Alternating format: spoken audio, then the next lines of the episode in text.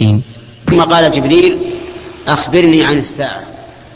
يعني عن قيام الساعة التي يبعث فيها الناس ويتمون فيها على أعمالهم فقال النبي صلى الله عليه وسلم ما المسؤول عنها بأعلم من السائل؟ المسؤول عنها يعني, يعني نفسه عليه الصلاة والسلام. بأعلم من السائل يعني جبريل. يعني أنك إذا كنت يا جبريل تجهلها فأنا كذلك أجهلها.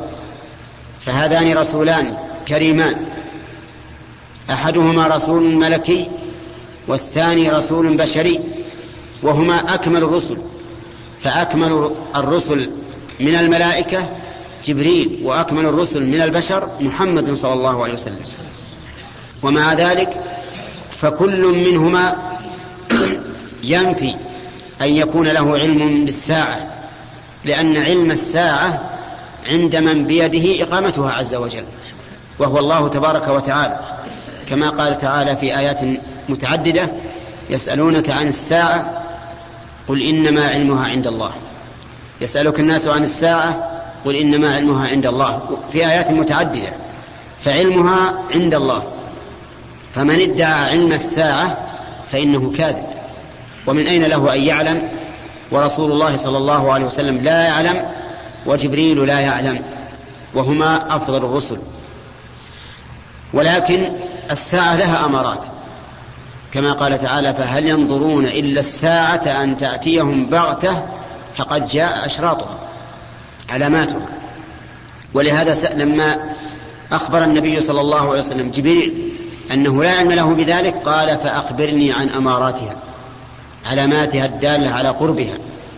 فقال أن تلد الأمة ربتها وأن ترى الحفاة العراة العالة يتطاولون في البنيان.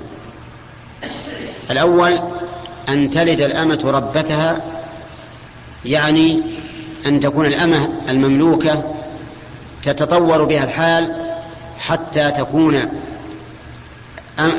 ربة للمماليك الآخرين وهو كناية عن كثرة الأموال. وكذلك الثاني وأن ترى الحفاة العراة العالة يتطاولون في البنيان. يعني الحفاة الذين ليس لهم نعال من الفقر. العراة ليس لهم كسوة من الفقر. العالة الفقراء يتطاولون في البنيان.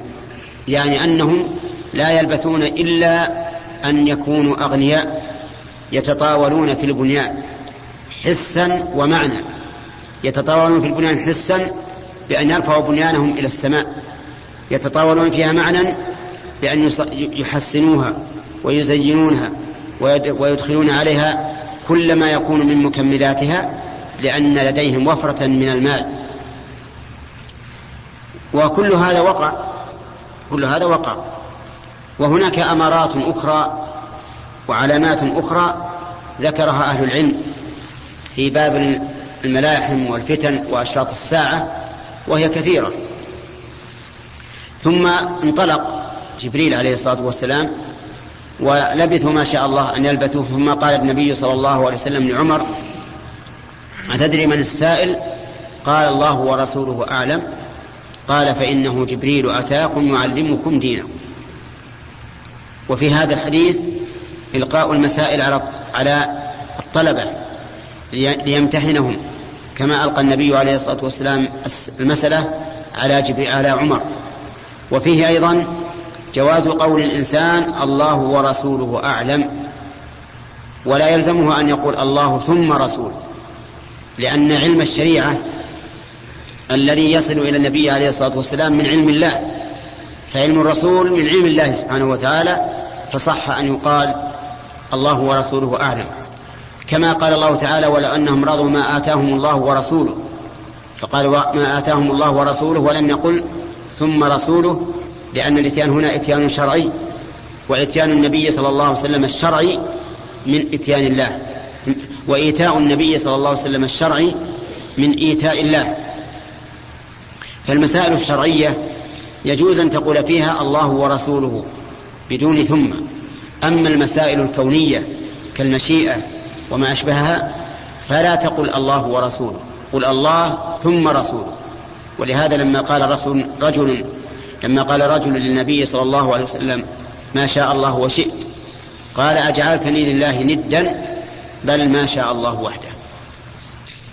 وفي هذا دليل على أن السائل إذا سأل عن شيء يعلمه من أجل أن ينتفع الحاضرون فإنه يكون معلما لهم لأن الذي أجاب النبي عليه الصلاة والسلام. وجبريل سائل لم يعلم الناس لكن كان سببا في هذا الجواب الذي انتفع به الناس.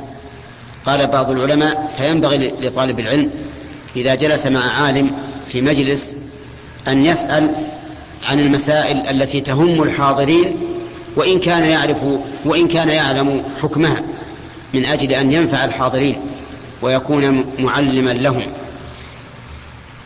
وفي هذا دليل على بركة العلم وأن العلم ينتفع به السائل والمجيب كما قال هنا يعلمكم دينكم. وفي هذا دليل أيضا في الحديث دليل على أنه حديث عظيم يشتمل على الدين كله. ولهذا قال يعلمكم دينكم لأنه مشتمل على أصول العقائد وأصول الأعمال أصول العقائد في الإيمان بالله وملائكته وكتبه ورسله واليوم الآخر والقدر خيره وشره وأصول الأعمال آه، وهي أركان الإسلام الخمسة. والله موفق. نقل المؤلف رحمه الله تعالى عن أبي ذر جندب بن جنادة وأبي عبد الرحمن معاذ بن جبل رضي الله عنهما عن رسول الله صلى الله عليه وسلم قال اتق الله حيثما كنت وأتبع السيئة الحسنة تمحها وخالق الناس بخلق حسن. رواه الترمذي وقال حديث حسن. قال المؤلف رحمه الله تعالى وعن أبي ذر جندب بن جنادة ومعاذ بن جبل رضي الله عنهما أن النبي صلى الله عليه وسلم قال اتق الله حيثما كنت وأتبع السيئة الحسنة تمحها وخالق الناس بخلق حسن. هذا الحديث من أحاديث الأربعين النووية للمؤلف رحمه الله.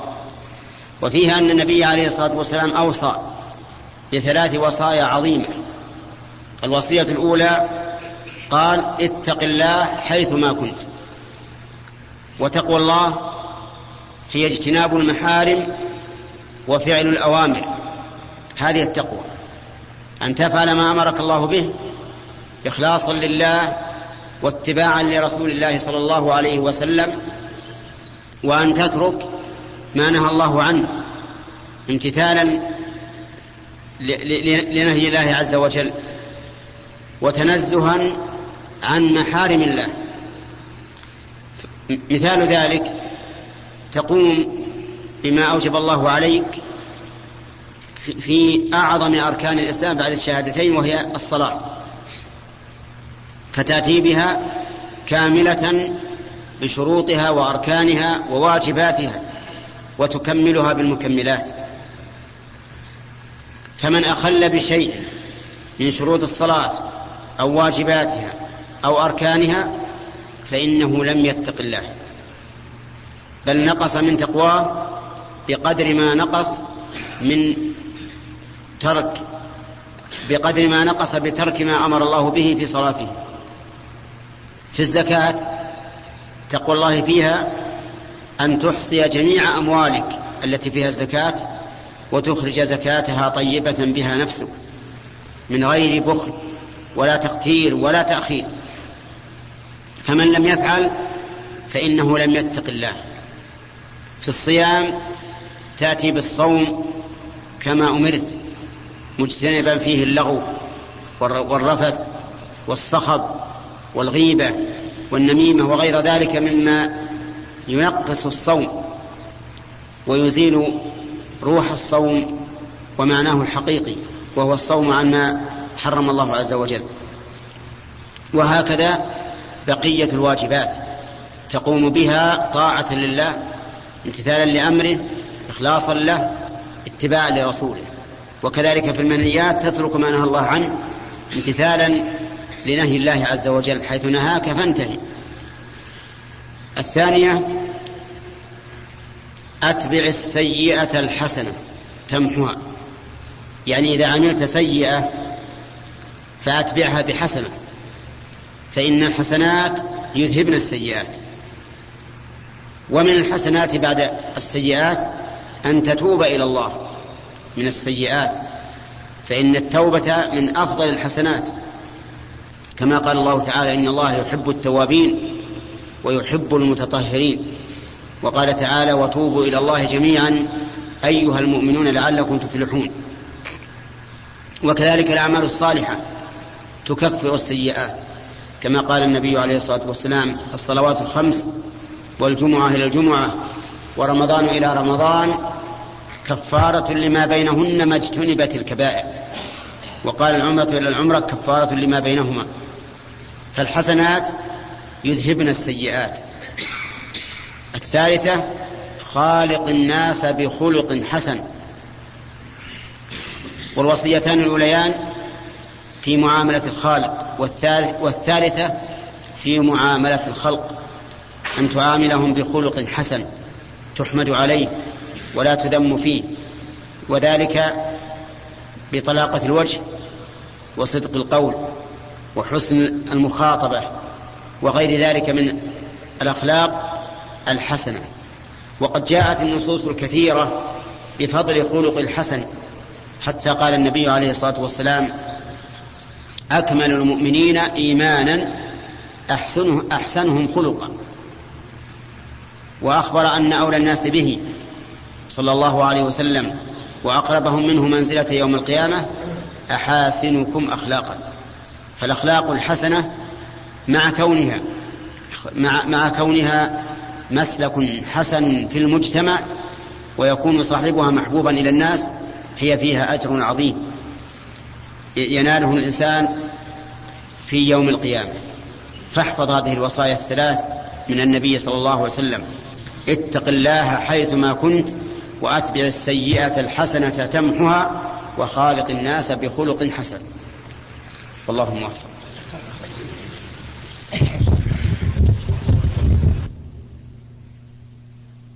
بسم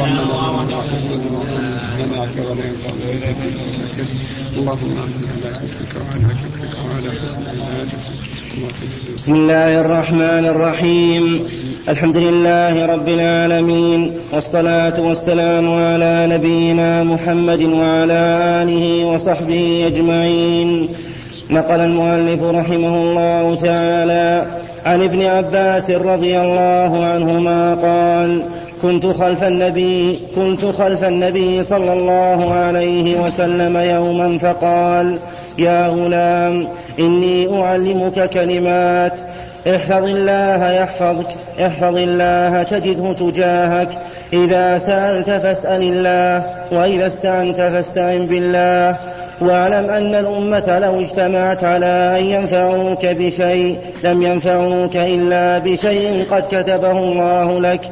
وإن اجتمعوا على أن يضروك بشيء لم يضروك إلا بشيء قد كتبه الله عليك. رفعت الأقلام وجفت الصحف رواه الترمذي وقال حديث حسن صحيح. وفي رواية غير الترمذي احفظ الله تجده أمامك. تعرف إلى الله في الرخاء يعرفك في الشدة. واعلم أن ما أخطأك لم يكن ليصيبك وما أصابك لم يكن ليخطئك. واعلم أن النصر مع الصبر وأن الفرج مع الكرب وأن مع العسر يسرا.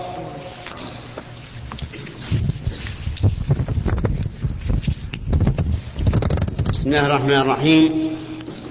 قال المؤلف رحمه الله تعالى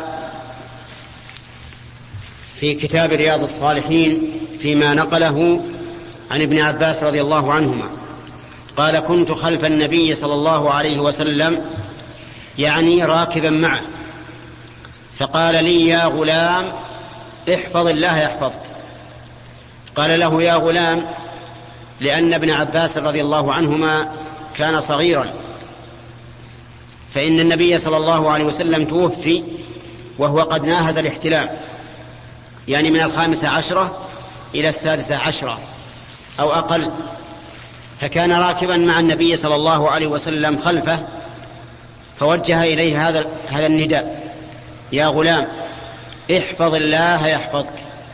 كلمة جليلة عظيمة. احفظ الله وذلك بحفظ شرعه ودينه بأن تمتثل لأوامره وتجتنب نواهيه. وكذلك بأن تتعلم من دينه من شريعته سبحانه وتعالى ما تقوم به عباداتك ومعاملاتك وتدعو به إلى الله عز وجل. لأن كل هذا من حفظ الله. الله سبحانه وتعالى نفسه ليس بحاجة لأحد حتى يحفظ ولكن المراد حفظ دينه وشريعته. كما قال الله تعالى يا أيها الذين آمنوا إن تنصروا الله ينصركم وليس المعنى تنصرون ذات الله لأن الله سبحانه وتعالى غني عن كل أحد. ولهذا قال في آية أخرى ذلك ولو يشاء الله لانتصر منهم ولا يعجزونه وما كان الله ليعجزه من شيء في السماوات ولا في الأرض. إذا احفظ الله يحفظك جملة تدل على أن الإنسان كلما حفظ دين الله حفظه الله. ولكن حفظه في ماذا؟ حفظه في بدنه حفظه في ماله في أهله في دينه وهذا أهم الأشياء. أن الله يحفظك في دينك. يسلمك ومن الزيغ والضلال. لأن الإنسان كلما اهتدى زاده الله هدى. كما قال تعالى والذين اهتدوا زادهم هدى وآتاهم تقواهم. وكلما ضل والعياذ بالله فإنه يزداد ضلالا. كما جاء في الحديث أن الإنسان إذا أذنب صار في قلبه نكتة سوداء فإن تاب محيت وإن أذنب ثانية انضم إليها نكتة ثانية وثالثة ورابعة حتى يطبع على قلبه. نسأل الله العافية. إذن يحفظك في دينك في بدنك في مالك في أهلك. وأهمها حفظ الدين. نسأل الله أن يحفظ علينا وعليكم ديننا. احفظ الله تجده تجاهك وفي لفظ آخر تجده أمامك. احفظ الله أيضا بحفظ شريعته بالقيام بأمره واجتناب نهيه. تجده أت... تجده تجاهك وأمامك معناهما واحد. يعني تجد الله أمامك يدلك على كل خير ويذود عنك كل شر. ولا سيما إذا حفظت الله بالاستعانة به. فإن الإنسان إذا استعان بالله وتوكل على الله كان الله حسبه أي كافيه. ومن كان الله حسبه فإنه لا يحتاج إلى أحد بعد الله. يا أيها النبي حسبك الله. ومن اتبعك من المؤمنين يعني وحسب من اتبعك من المؤمنين. وإن يريدوا أن يخدعوك فإن حسبك الله. فإذا كان الله حسب الإنسان يعني كافيه فإنه لن, لن يناله سوء. ولهذا قال احفظ الله تجده تجاهك أو تجده أمامك والمراد بحفظه حفظ شريعته ولا سيما في التوكل عليه والاستعانة به. ثم قال له إذا سألت فاسأل الله وإذا استعنت فاستعن بالله. يعني لا تعتمد على أحد على مخلوق. إذا سألت فاسأل الله. مثلا إنسان فقير ليس عنده مال. يسأل الله يقول اللهم ارزقني اللهم هيئ لي رزقا. فيأتيه الرزق من حيث لا يحتسب. لكن لو سأل الناس فربما يعطونه أو يمنعونه. ولهذا جاء في الحديث لأن يأخذ أحدكم حبله فيحتطب ثم يبيعه لكان خيرا له من أن يسأل الناس أعطوه أو منعوه. فكذلك أنت إذا سألت اسأل الله. اللهم ارزقني. اللهم أغنني بفضلك عمن سواك. وما أشبه ذلك من الكلمات التي تتجه بها إلى الله عز وجل. وكذلك أيضا إذا استعنت فاستعن بالله. الاستعانة طلب العون. لا تطلب العون من أي إنسان إلا للضرورة القصوى. ومع ذلك إذا اضطررت إلى الاستعانة بالمخلوق فاجعل ذلك وسيلة وسببا لا ركنا تعتمد عليه. اجعل الركن الأصيل هو الله عز وجل. إذا سألت فاسأل الله وإذا استعنت فاستعن بالله. وفي هاتين الجملتين دليل على أنه من نقص التوحيد أن الإنسان يسأل غير الله. ولهذا تكره المسألة لغير الله عز وجل في قليل أو كثير. لا تسأل إلا الله, إلا الله عز وجل ولا تستعن إلا بالله. والله سبحانه وتعالى إذا أراد عونك يسر لك العون سواء كانت بأسباب معلومة أو بأسباب غير معلومة. قد يعينك الله بسبب غير معلوم لك فيدفع عنك من الشر ما لا, ما لا طاقة لأحد به. وقد يعينك الله على يد أحد من الخلق يسخره لك ويذلله لك حتى يعينك. ولكن مع ذلك لا يجوز لك إذا أعانك الله على يد أحد لا يجوز لك أن تنسى المسبب وهو الله عز وجل كما يفعله بعض الجهل الآن. لما استعانت الدولة بالكفار وحصل منهم العون الظاهر البين صار الناس والعياذ بالله بعض العامة بعض الجهلة يقدسون هؤلاء الكفرة. وما علم هؤلاء أن هؤلاء الكفرة أعداء لهم سواء عانوهم أم لم يعينوه هم أعداء لكم على إلى يوم القيامة. أعداء إلى يوم القيامة. ولا يجوز لأحد أن يواليهم أو يناصرهم أو يدعو لهم. كما سمعنا من بعض العامة الجهال يقول سوف نضحي لفلان أو فلان من الكفرة. والعياذ بالله وسوف نسمي أبناءنا بأسمائهم. نسأل الله العافية. هم لولا أن الله ذللهم وسخرهم لكم ما نفعوكم بشيء. النافع الضار هو الله وهو الذي يسرهم وسخرهم ليعينوكم ويدافعوا عنكم وهو من تسخير الله سبحانه وتعالى لعباده المؤمنين أن يسخر لهم كفارا يذودون عنه. كما جاء في الحديث إن الله ليؤيد هذا الدين بالرجل الفاجر. وبأقوام لا خلق لهم.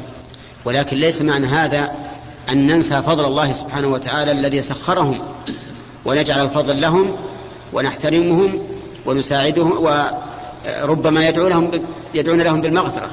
حتى أن سمعنا بعض الجهلة يقول سوف نضحي لهم إذا جاء عيد الأضحى. أعوذ بالله. كفار تضحي لهم. الكافر لا يجوز أن تدعو له بالرحمة. وما كان الم... ما كان للنبي والذين آمنوا أن يستغفروا للمشركين ولو كانوا أولي القربى من بعد ما تبين لهم أنهم أصحاب الجحيم.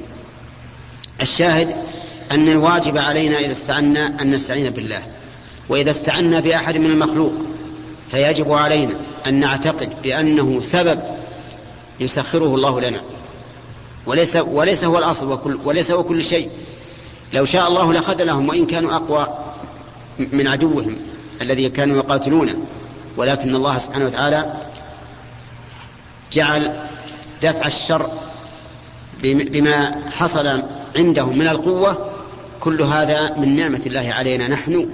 فيجب علينا أن نشكر الله أولا وآخرا لأنه هو الذي سخرهم وجاء بهم من بلادهم حتى يدافعوا عن بلادنا وحتى يأخذوا على يد الظالم حتى يزول ظلمه أما أن نقدسهم أو أن نعتقد بقلوبنا أنهم هم السبب الأول والأخير فإن هذا جهل وضلال. فيجب علينا أيها الإخوة أن نزيل هذا من من قلوب العامة. إذا سمعنا أحدا يركن إليهم ويقول هم الذين نصرونا مئة بالمئة وهم الأول والآخر يجب علينا أن نبين لهم أن هذا خلل في التوحيد. ويأتي إن شاء الله بقية كمان الحديث. نقل المؤلف رحمه الله تعالى